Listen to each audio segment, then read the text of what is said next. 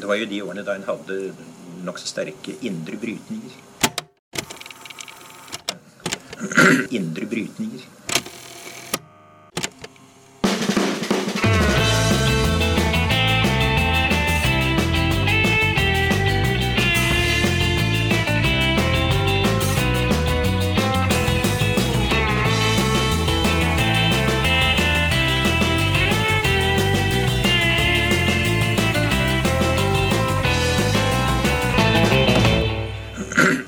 Hei og velkommen til Noen har snakket sammen. Mitt navn er Tiril Rustad Halvorsen.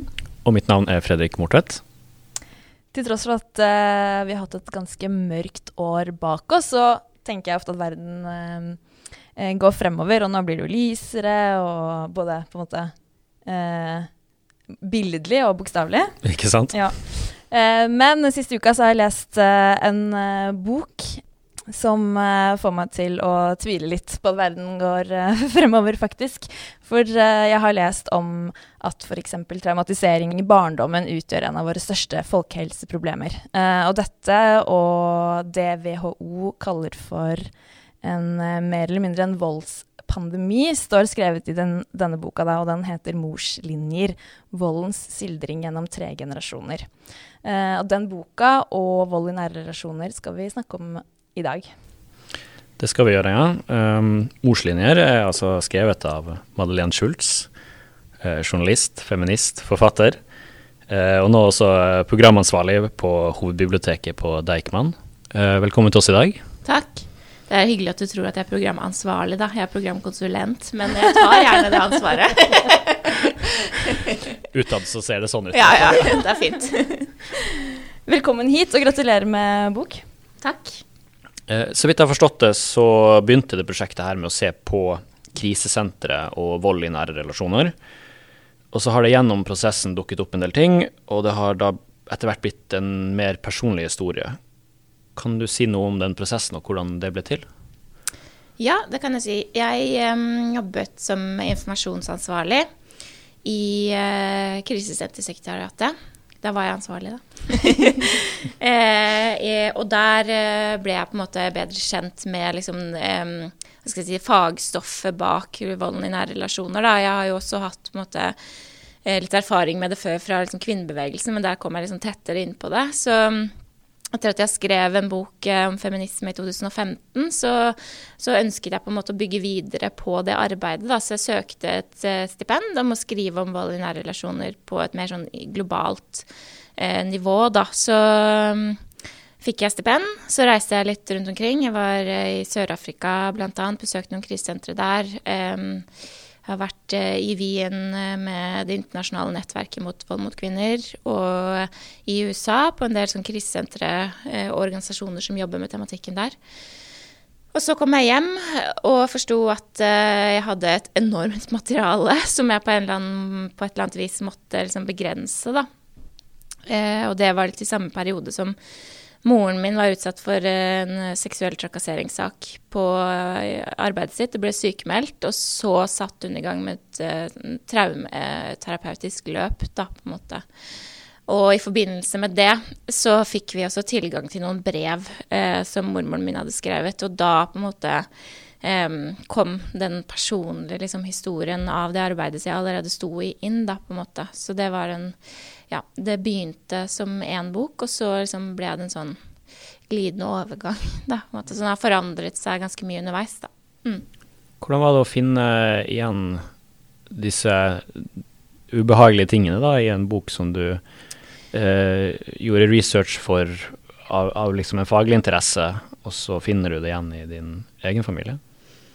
Mm, ja, det var litt sånn Jeg tror at uh, det tok meg litt tid um, også å koble det sammen. For at det er et eller annet, på et eller annet vis så uh, Og det tror jeg er jo litt sånn naturlig i, i, den erfaringen også. Det ser jeg jo at andre også har. At man har en slags avstand til sin egen fortelling. Da. At man Um, at man kanskje bare har gått rundt og tenkt at sånn var det bare. Altså Jeg visste jo om den historien fra før, fordi mormor var åpen om de erfaringene hun hadde. Um, så, så, det var jo på en måte på den måten var det ikke noe sjokk. Men det som på en måte som, som litt, som, som gjorde meg litt overraska, var at i de brevene så skrev hun ganske mye om økonomi, da, og om måte hvordan hun sleit økonomisk.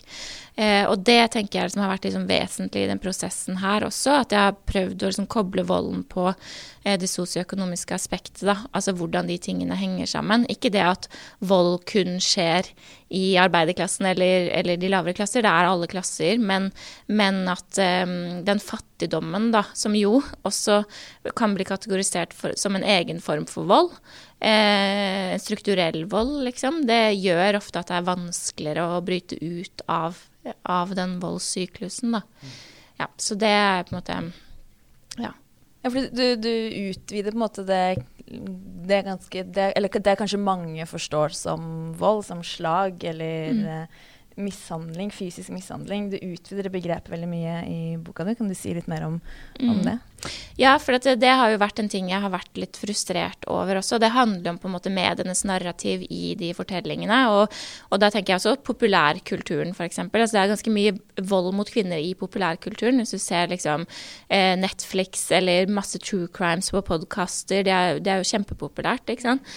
Eh, og da er det jo ofte nettopp måte, den veldig fysiske eller seksuelle volden som blir, som blir trukket fram, liksom. Mm. Og det som ofte skjer der, er at man glemmer på en måte den psykiske biten, og også på en måte den strukturelle volden som veldig mange står i. Da. Og den blir på en måte litt usynliggjort. Og det, det jeg har liksom opplevd i, i researchen, da, når jeg snakket med andre kvinner også på krisesenteret eller andre som har vært utsatt for volden, er at den psykiske biten er den som ofte sitter lengst i. Da. Eh, og det er den de bærer med seg. Det er jo en sånn Du blir jo på en måte eh, brutt ned. Altså, isolert ofte også. Eh, og det, det, er veldig vanskelig å bryte ut av, av den opplevelsen. Altså, det har vært viktig for meg at jeg ikke liksom, skulle velte meg i liksom, eh, fysisk vold, da, fordi at den ofte liksom, går over i den der underholdningssporet, nesten.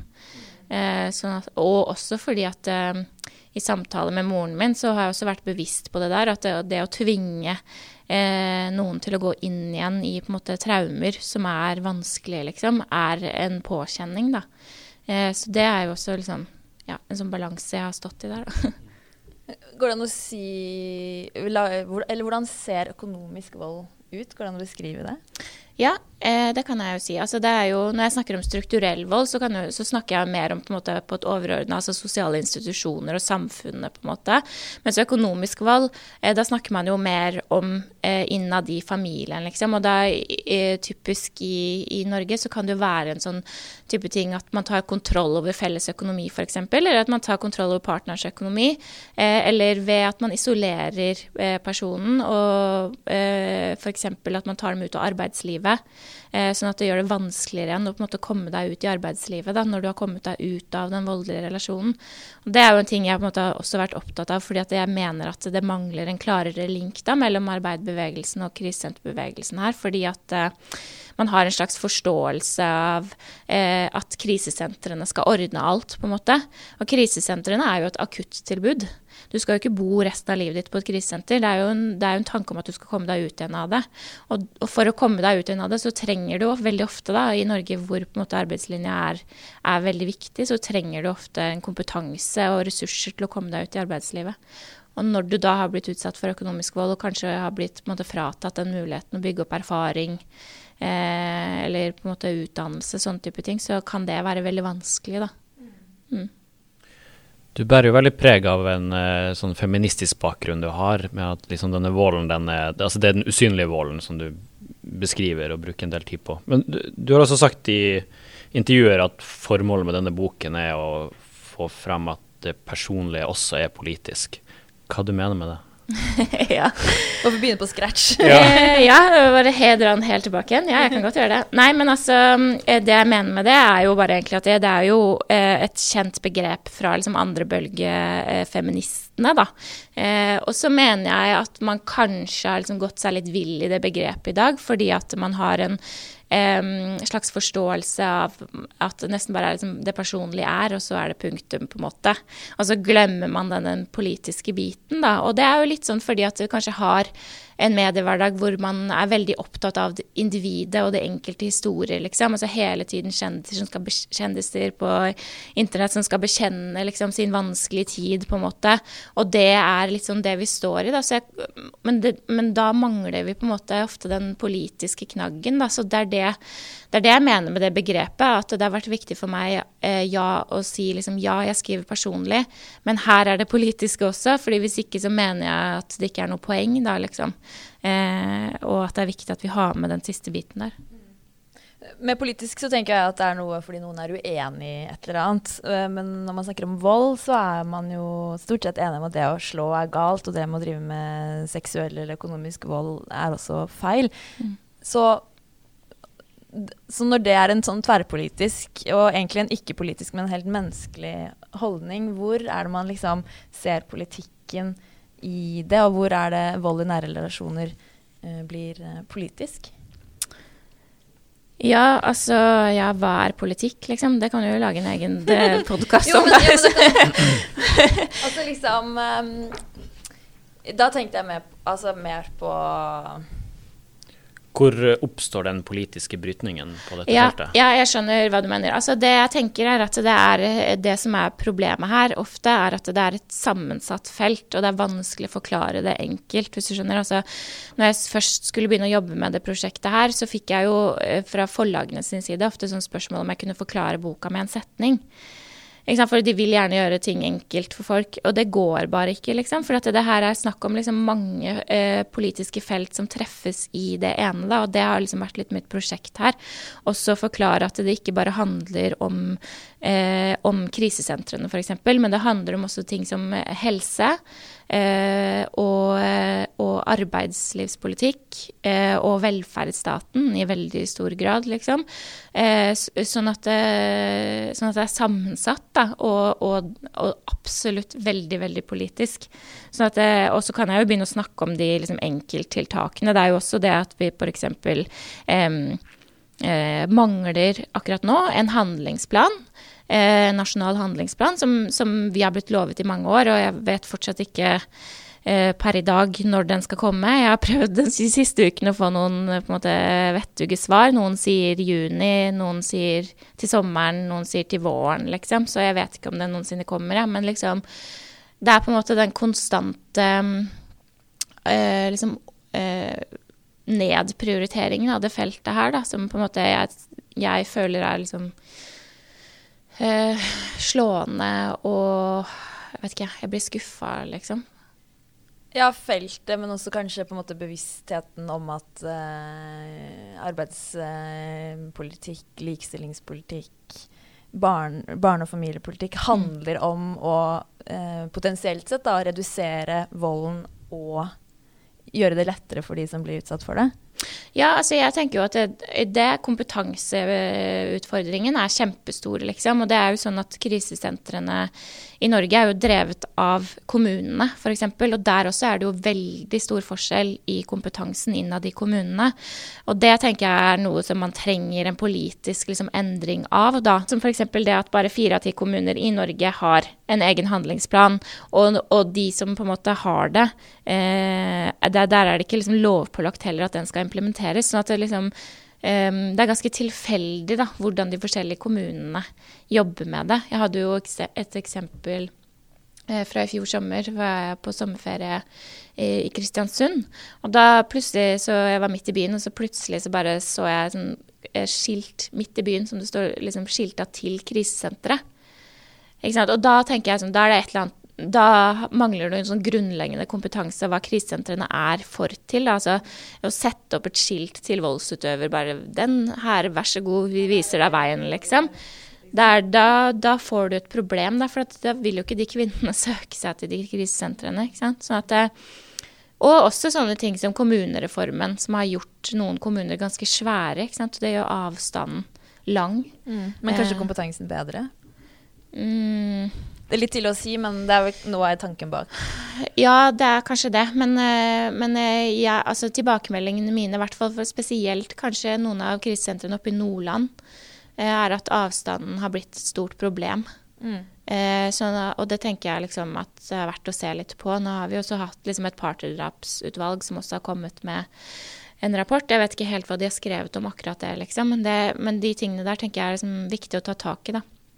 Så det er jo eh, sånne ting som f.eks. at når vi ser på det reviderte statsbudsjettet nå, at det ikke har satt av noen ting til den handlingsplanen som, som liksom skal komme et, en eller annen gang, da, tenker jeg er, er, er alvorlig, liksom. For det, det, er, det er et problem som vi Som jeg tenker at man kanskje vil Eller man har grunn til å tro at man kanskje vil få eh, mer problemer med i fremtiden. Fordi at man vet at eh, i områder hvor eh, arbeidsledigheten f.eks. blir høy, så blir også volden mot eh, kvinner og barn også høyere. Eh, sånn at det, det tenker jeg er viktig nå, da. Og man skulle nesten trodd også at dette var høyere på agendaen, fordi under hele pandemien så har vi jo nesten snakket om, kanskje spesielt om barn, da, men at man får færre barn som møter opp på skolen, hvor det er andre voksne personer som kan se til dem og se om det er noe som er galt. Eh, man ville jo tenkt at eh, vi hadde kanskje fått en påminner da, om det viktige arbeidet rundt den type beredskap eller krisesentre da, når vi blir innestengt med hverandre under en pandemi. Mm. Ja, jeg, jeg tenker altså det er så mange ting, liksom, som jeg bare som er problematisk med den politikken som føres på akkurat det området her. At det, er litt vanskelig noen ganger å vite hvor man skal, hvilken ende man skal starte i. Altså Det er jo også sånne ting, og det skal jo eh, Monica Mæland ha. At hun f.eks. nå har satt på agendaen det her med omvendt voldsalarm, f.eks. Som har vært et, en stor utfordring. For det har vært veldig vanskelig for politiet å, å få folk idømt omvendt voldsalarm. da. Kan du bare si hva, hva det er for noe? Ja.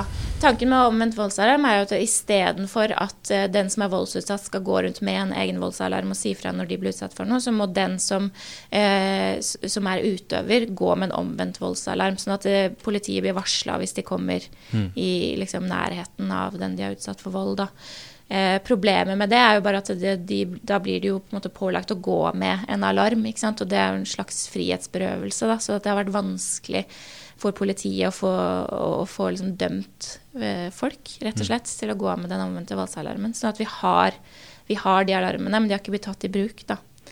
Så det har jo Monica Mæland nå lagt inn et forslag, så vidt jeg skjønner, at det skal bli lettere å liksom dømme folk til omvendt voldsalarm. Det det er jo et godt forslag. Mm. Et nedprioritert område, sier du. Hva, hva vet vi om omfanget av vold i nære relasjoner eh, i Norge? Ja, eh, det er en stund siden den siste omfangsundersøkelsen. Det er jo NKVTS som gjorde den sist. Eh, De skal gjøre en ny nå også. Men det de fant ut i den siste omfangsstudien, det var at eh, det er like mange menn som kvinner som har vært utsatt for mindre alvorlig partnervold eh, noen gang i løpet av livet. Og da snakker man om liksom kløpet eller klort eller lugget eller slått med flatt med flat hånd, da, på en måte. Men når det kommer til eh, den grove eller liksom livstruende volden der liv og helse er i fare, så, eh, så er det én av ti norske kvinner som rapporterer at de blir utsatt for alvorlig fysisk vold i nære relasjoner. Eh, så det er på en måte Det er jo et veldig høyt tall. det er, ja, jeg vil si at det er et høyt tall. Em, og så er det det som er vanskelig med statistikken i det feltet her også, er jo at eh, statistikken noen ganger kan lyve. For eh, hvis man snakker om på, globalt, på en global nivå, sant, så vet man jo f.eks. i Russland, hvor man ikke har noe beskyttelse whatsoever, nesten, altså, så, så er jo tallene liksom ganske lave. Og der snakker man jo om i internasjonal sammenheng snakker man om det nordiske paradokset. At man har høye tall i Norden. Og det er jo fordi at vi har eh, antageligvis en bedre form for å måle. da, så Folk er i hvert fall mindre redd for å si ifra. Så at det, det er jo vanskelig også når man liksom skal snakke om tall og liksom omfang i, i det feltet her, er at eh, man får ikke med seg alltid mørketallene, da. Nei, men man antar vel at de er ganske store når WHO f.eks. Kaller, kaller det en voldspandemi. Ja, det er jo det måte som er det underliggende her. At det er, eh, måte, det er store mørketall, både globalt, men antageligvis også i Norge. Vet man jo f.eks. sedelighetsforbrytelser og sånne type ting, er det jo store mørketall. Eh, Men i og med at dette voldsbegrepet er såpass eh, bredt da, i, i boka di, og egentlig i måten vi burde snakke om det i samfunnet på, er det noen ulike typer, uten at det sikkert går an å lage noen veldig skarpe skiller, for det er sikkert overlappende, dette dette her. Er det noe sånn, Ser man noe endring over tid? Blir det mer økonomisk vold? Blir det mindre økonomisk vold? I Økonomisk likestilling av kvinner skulle man kanskje tro at uh, reduserte volden på noen områder. Kan man se noen sånne bilder over tid? Ja, altså det er jo vanskelig det her, for det er jo nettopp som jeg sa, liksom, at det er vanskelig å måle det. Og det som jeg jo på en måte har prøvd å fortelle gjennom å fortelle historien min gjennom tre generasjoner, er jo f.eks. sånne ting som at uh, i mormors tid så fantes det jo ikke engang et lovverk. Mm. Ikke sant? Altså, det første krisesenteret i Norge kom i 1978. Uh, og den første handlingsplanen kom først i 1999. Sånn at det er et ganske nytt felt, på en måte, og, og man veit rett og slett ikke så mye om de tallene som var i etterkrigstiden, f.eks. Mm. Så må man nesten bare gjette seg fram. Ikke sant? Er, har, altså, vold i nære relasjoner på den tiden ble bare kalt for husbråk. Mm. Ikke sant? Og når jeg snakket med liksom, folk eh, om det her Jeg snakket, hadde en samtale med eh, Tove Nilsen, forfatter, for noen uker siden. Og, som jo har vokst opp i, på Bøler, eh, sånn som moren min. Um, og hun var bare sånn Ja, men sånn var det bare, liksom. Mm. Uh, og det er det som er trist.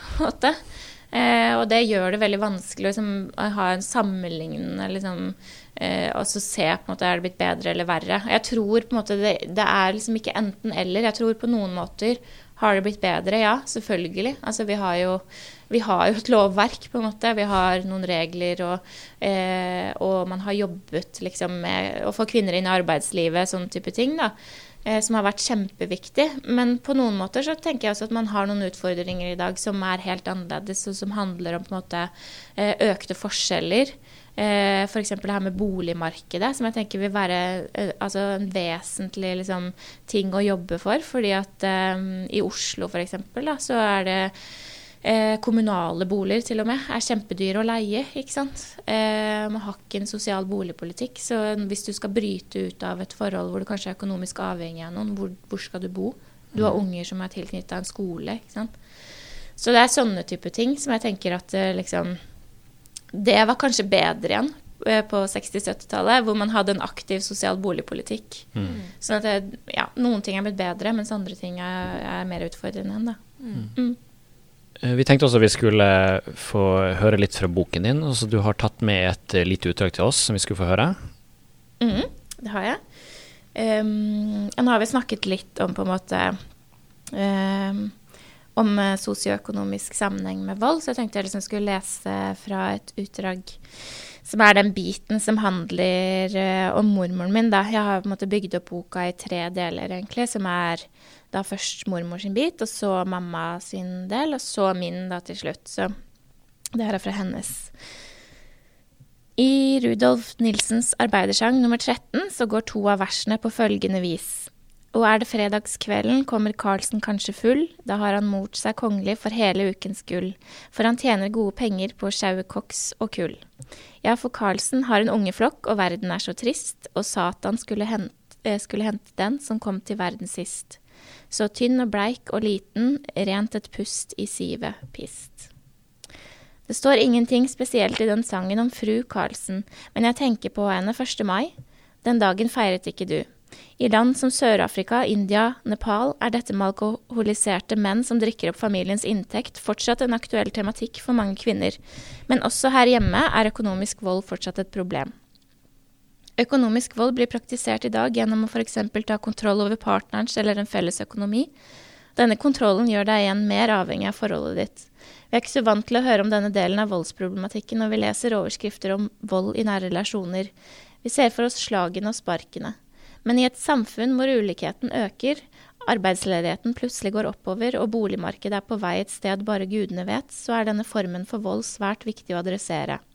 Om noen tar kontroll over økonomien din, eller om du tvinges til å velge mellom fattigdom eller kontroll i hjemmet, så kan det ta veldig lang tid å komme seg ut av voldens grep. Kanskje et helt liv. Tusen takk. Um, kanskje et helt liv, eller kanskje flere generasjoner, som jo er liksom tråden i, eller budskapet i boka di.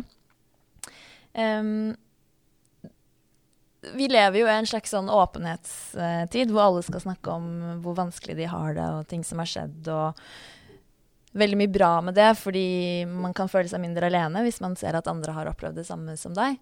Eh, hva Og vi har jo hatt f.eks. metoo-bevegelsen, som jo tok for seg den, en del av med seksuell trakassering, særlig i arbeidslivet.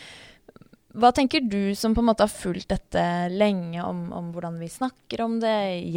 Hjelper det noe, syns det, i tallene, da, som jo naturisk er vanskelig å lese? Men eh, hjelper det å, å, snakke om det og få det opp i aviser og på podkaster og ukeblader?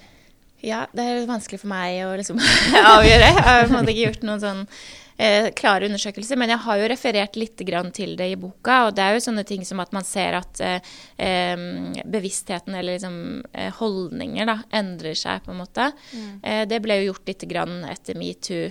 Eh, blant annet. Og så tenker jeg jo at det er viktig å, å, å få med seg den og den politiske biten. Da, at man ser at politisk eh, regelverk blir endra. Eh, og der var det jo eh, en del ting som på en måte ble tatt opp i, i forbindelse med seksuell trakassering i arbeidslivet. Eh, så, så, på den måten så tenker jeg jo at ja, det hjelper. Mm. Eh, fordi at man, man, Det er en måte å presse liksom, samfunnet videre på. Da. Det er jo det også som har ført til at man faktisk har krisesentre i Norge. At man har på en måte hvert fall et minimum av hjelp her, er jo fordi at det har vært en bevegelse som har pressa på for det. Så, at det ikke heter husspråk og familietragedie. Ja, ikke sant? Også, ja, og det har jo vært en veldig viktig del av arbeidet med boka her. At jeg mener at Eh, at eh, ord på en måte har en enorm makt i måten man liksom omtaler de tingene her på. Bare at det fins ord. ikke sant? Jeg har jo på en måte også sett litt på eh, mormors mor igjen, på en måte, hvor hun kom fra, liksom. Og der er det jo bare det liksom, å prøve å finne historiene i den generasjonen kvinner er utrolig vanskelig, for det fins nesten ikke. Altså, de er bare tatt ut av historien, liksom. Mm. Så at er, de er på en måte nesten usynlige, da. Eh, og hun var jo på en måte en sånn typisk liksom, nordlandskone, bodde langs kysten, liksom. Mannen hennes var fisker, han var borte store deler av året. Så hadde hun ti unger som hun skulle ta vare på selv. Gjorde alt arbeidet hjemme, på en måte. Eh, og hadde det knalltøft, liksom. Men det bare fins ikke noen historier om henne. Mm. Ikke sant? Og, og, og, mange av de historiene som også er der oppe fra, som er sånn hvis eh, mannen din døde ute på sjøen, da, så du hadde masse unger som du måtte ta deg av, da måtte du bare finne en mann, da.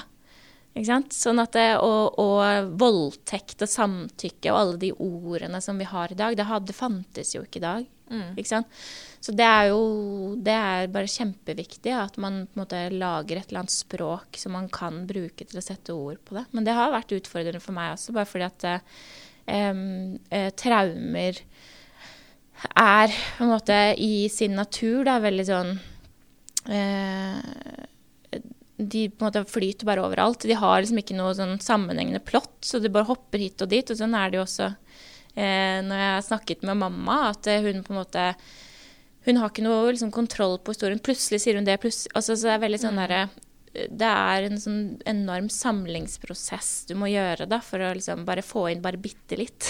ja, ja, pluss at en del av disse tingene jo, gir seg jo fysiske utslag, mm. ikke verbale, egentlig. Ja, og det har jo også vært liksom, Jeg har prøvd å eh, på en måte fokusere litt på, er jo det her helseaspektet ved det. Eh, og det er jo veldig mange som mener for eksempel, eller som, som, som tar til orde for at, eh, at eh, liksom, voldtekt og overgrep er, liksom en er helsepolitisk sak. Eh, det mener jeg også, men jeg mener ikke at det bare er det. Jeg, tror, jeg mener at det handler om andre ting også. sånn at det, sånn, det handler om helsen, det handler også om mer.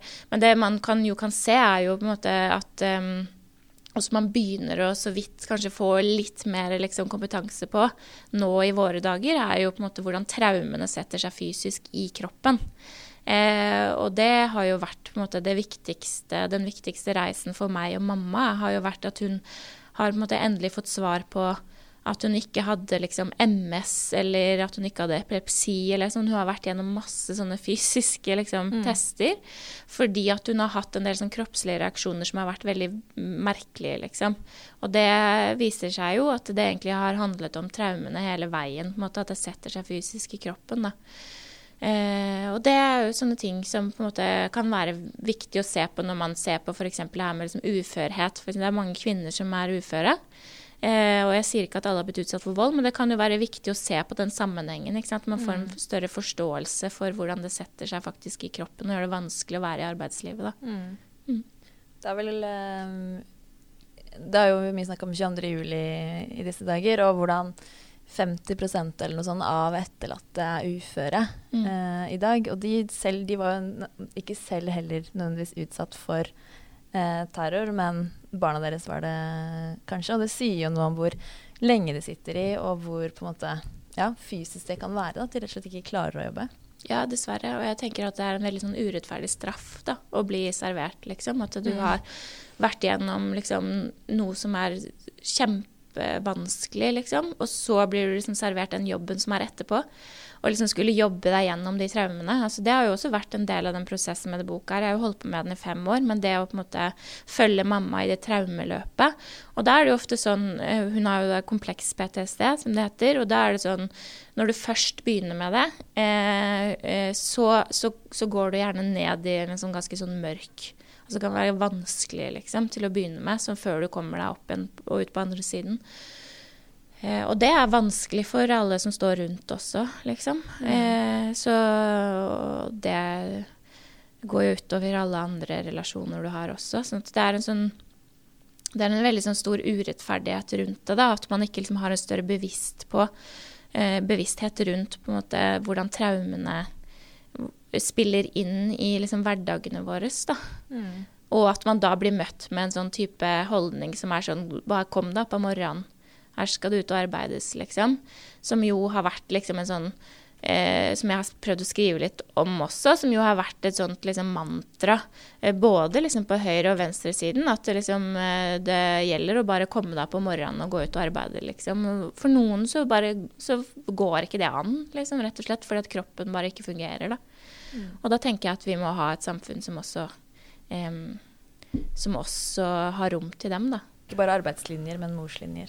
Ja, ja, det er jo litt derfor at jeg har valgt den tittelen. Altså, det er jo også en morslinje fordi at det er tre generasjoner, på en måte. Men, men, men det handler også om det at um, at jeg tror nok at eh, Og jeg har skrevet litt om det også, at mormoren min følte seg nok litt forlatt på en måte av hele det sporet som, som jo oppsto på 70-tallet, som var på en måte Eh, også kvinnebevegelsen, liksom. Og de skulle inn i arbeidslivet, og liksom så løftet de opp hele familien inn i middelklassen sin. fordi da, da fikk du to inntekter, ikke sant. Og så, og så sto hun der, da, på en måte. Og på en måte hadde ikke Hun var uføre, hadde ikke muligheten til å være inne i arbeidslivet. Så hun ble på en måte bare forlatt, da. Og det, har vært, det tror jeg har vært liksom veldig vanskelig for henne. Ha vært med på å liksom gjøre henne til en sånn gammel, bitter dame, da. Som jeg tror finnes mange steder rundt omkring i Norge, liksom. Som man bare lærer seg å overse. Og nå begynner hun igjen, liksom, med den regla der. Sånn. Så det er veldig talende det fattiggjort, Mm. som du sier at hun ble, da. Ja. Av liksom storsamfunnet. Hun var jo bevisst på det òg, og det var jo en ting som jeg syns har vært veldig fint, eller litt sånn mm, legende ved å lese brevene hennes. At hun hadde en ganske stor bevissthet på det selv, og liksom var egentlig ganske langt fremme til å være på det på den tiden. At hun skrev sånne ting som at eh, dette her er ikke riktig, på en måte. Og hvis all det arbeidet som jeg har lagt ned i hjemmet, da vil jeg ha etterbetalt. Altså at hun bare skrev sånne ting, liksom. Det viser jo at hun hadde en slags bevissthet på at på måte, det omsorgsarbeidet også har en verdi, da. Sånn at um, det har vært veldig fint, da. Ja, for det skriver du også om at uh, de kvinnene du har møtt i researchene her, de, de har ikke vært skrøpelige kvinner som ikke vet bedre, eller har ingen sånn bevissthet om sin egen tilstand, ikke sant. Uh. Mm. Ja, jeg har liksom vært opptatt av det, tenker jeg. mm, Både med tanke på de som er utsatt for vold, men også på en måte de som utøver vold. At det fins en del sånne myter omkring hvem de er, på en måte. Altså, vi er veldig glad i å dele folk inn i bokser, liksom. Og her er den typen, der er den typen. Mens, mens min opplevelse av å møte kvinner på krisesenteret, til og med i Sør-Afrika, er at det ofte er veldig ressurssterke kvinner. Altså, I refleksjonene deres liksom, så har de en ganske høy bevissthet rundt hva de har vært utsatt for. Og hva det er de vil ha politisk, på en måte. Det er ikke en sånn Um, så, så det tenker jeg at jeg kanskje liksom ble litt arrestert på selv også. At jeg også på en måte sikkert har hatt den. Eh, fordi jeg har vokst opp med den illusjonen. At, eh, at dette er en kvinne som er Sånn er hun, på en måte. Og det stemmer ikke, da. Så det har vært viktig for meg å liksom få skrevet inn i den boka. Og også med tanke på utøverne. At de er også mangfoldige. At de kan være hvem som helst, liksom. Og det er ikke en sånn motsetning mellom å være en voldsutøver og det å være en hyggelig og liksom ålreit person ellers, på en måte. Folk har nyanser, så, og det er litt viktig da, i det feltet her òg. Jeg ville tilbake til en liten ting du sa tidligere, og det var dette med at uh, ting blir ofte ikke et problem før vi har et begreps, uh, uh, begreper for det, og vi har en bevissthet om det, og vi har en samtale om det. og sånn som det ser ut, da, at hver gang ting kommer opp, da, f.eks. ta metoo, så skaper det en veldig Det skaper mye debatt, grad av polarisering og det, kommer, eh, og det kommer som en stor kostnad for de som står fram, da, og som står i den, i den kampen. da. Og det, det, bryter litt sånn med det, det, det, harmoniske samfunnet sånn som det har vært fram til da, kan man liksom i, i gåseøynene, da. Um, så lurer jeg litt på, eh, hvis vi liksom hele tiden skal på, på en måte utvikle denne kampen videre, da. Uh, hvordan kan vi gjøre den mer hvordan kan vi inkludere den, sånn at flere kan stå i den, bære den byrden da, av å ta disse vanskelige kampene? For det, det kommer jo alltid et backlash. ikke sant? Sånn, ja. Nå overreagerer du, dette, sånn har det vært lenge. Det er bare et det må da være lov til å flørte litt på uh, julebordet osv., ikke sant? Ja, nei, hun blir ikke utsatt for hets. Ikke sant? Ja, nei, ja jeg, ja, jeg, er helt klar over det. Jeg skulle ønske jeg hadde liksom et sånt um, fasitsvar. Jeg føler jo at det er en av grunnene til at jeg har villet skrevet den boken her. For at jeg står i en posisjon hvor jeg på en måte kan tåle å ta den kampen.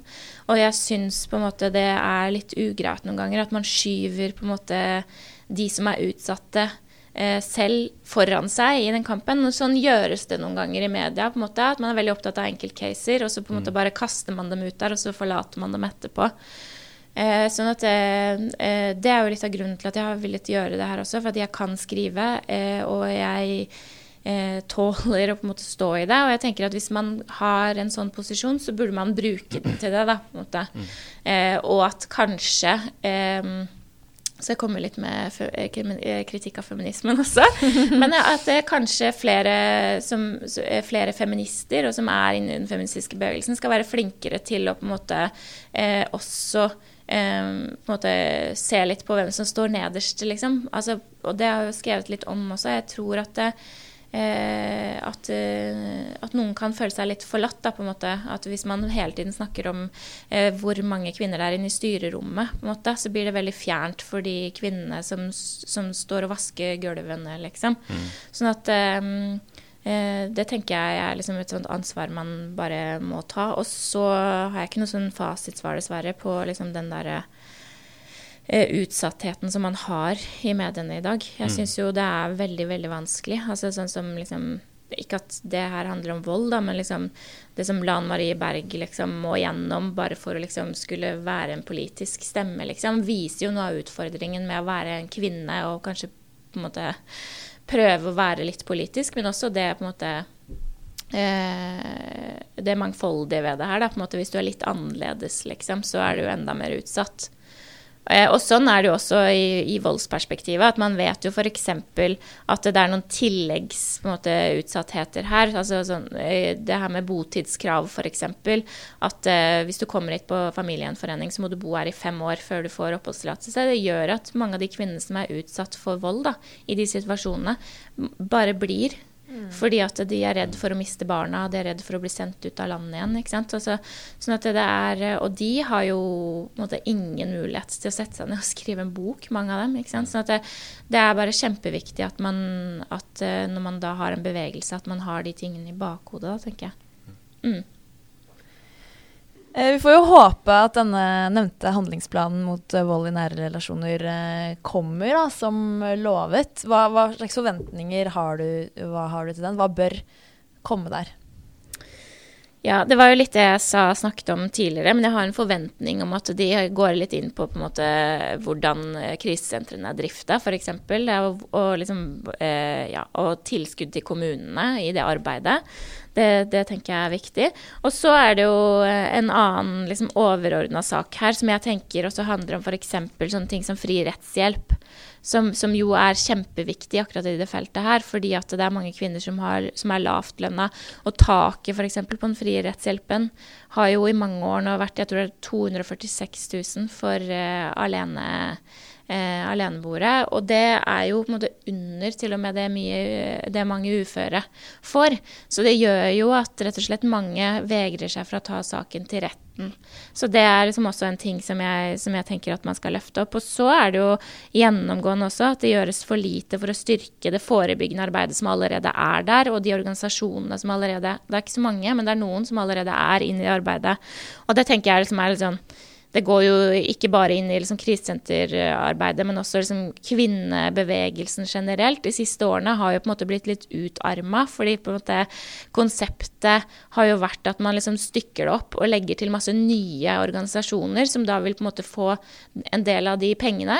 Mm. Og så har man mindre penger til de forebyggende liksom, tiltakene som allerede ligger der. sånn at det, det er en sånn slags fordelingsnøkkel her da, som jeg tenker at man må se på. Eh, men sånn først og fremst så håper jeg at de på en måte ser på hvordan kommunene arbeider med krisesentrene. Det er kjempeviktig. Eh, og så mer forskning til helse og, og vold, hvordan på en måte den linken er der eh, tenker jeg også at jeg har en forventning om. Men eh, ja, som sagt så, så, forventer jeg bare først og fremst at de i hvert fall skal legge fram den handlingsplanen. altså det er på en måte, Jeg syns det er ganske utrolig at eh, i et land som Norge, da, hvor man på en måte er så stolt av å smykke seg av likestillingen, liksom, så klarer de ikke å komme opp med en handlingsplan. Nå er det på en måte 2017 gikk den forrige ut, så de har hatt ganske mange år på seg. Så ja, det er det første jeg forventer. Veldig høye forventninger her, ja. ja nei, men uh, Madeleine Schulz, tusen takk for at du kom til Noen snakket sammen. Takk for at jeg fikk komme.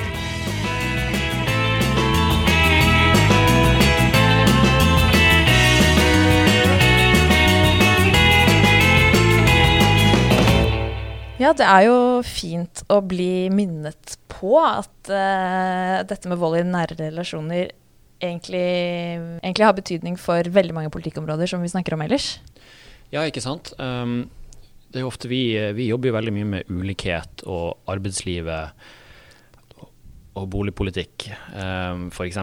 Og her ser vi jo på en måte den stygge baksiden av uh, når de tingene ikke er uh, Når vi får store ulikheter i, inntekt, eller vi har et boligmarked som løper løpskt, så begrenser det friheten til veldig mange, spesielt eh, kvinner, til å kunne forlate mannen sin, få seg sin egen mm. plass å bo. Og et, et, anstendig arbeidsliv hvor kvinner har fulle og hele stillinger, det, det er en frihet, det. Og det er viktig for, eh, for, veldig mange å kunne ha et selvstendig liv. Mm, mm. Så det er litt sånn når man snakker om, Nå må vi snakke om for klima inn i alle politikkområder, så gjelder jo egentlig det forebygging av vold også.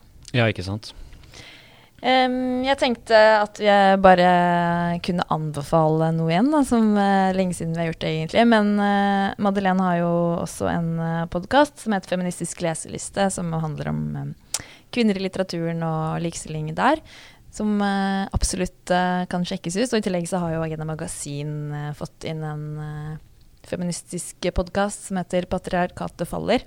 Så hvis du mangler noe å høre på, så har du to, to tips der. Det kan man ta med seg i parken når man skal få seg litt sol. Definitivt. Det må vi nå. eh, men eh, vi høres likevel neste uke. Det gjør vi. Ha det. Hei, hei.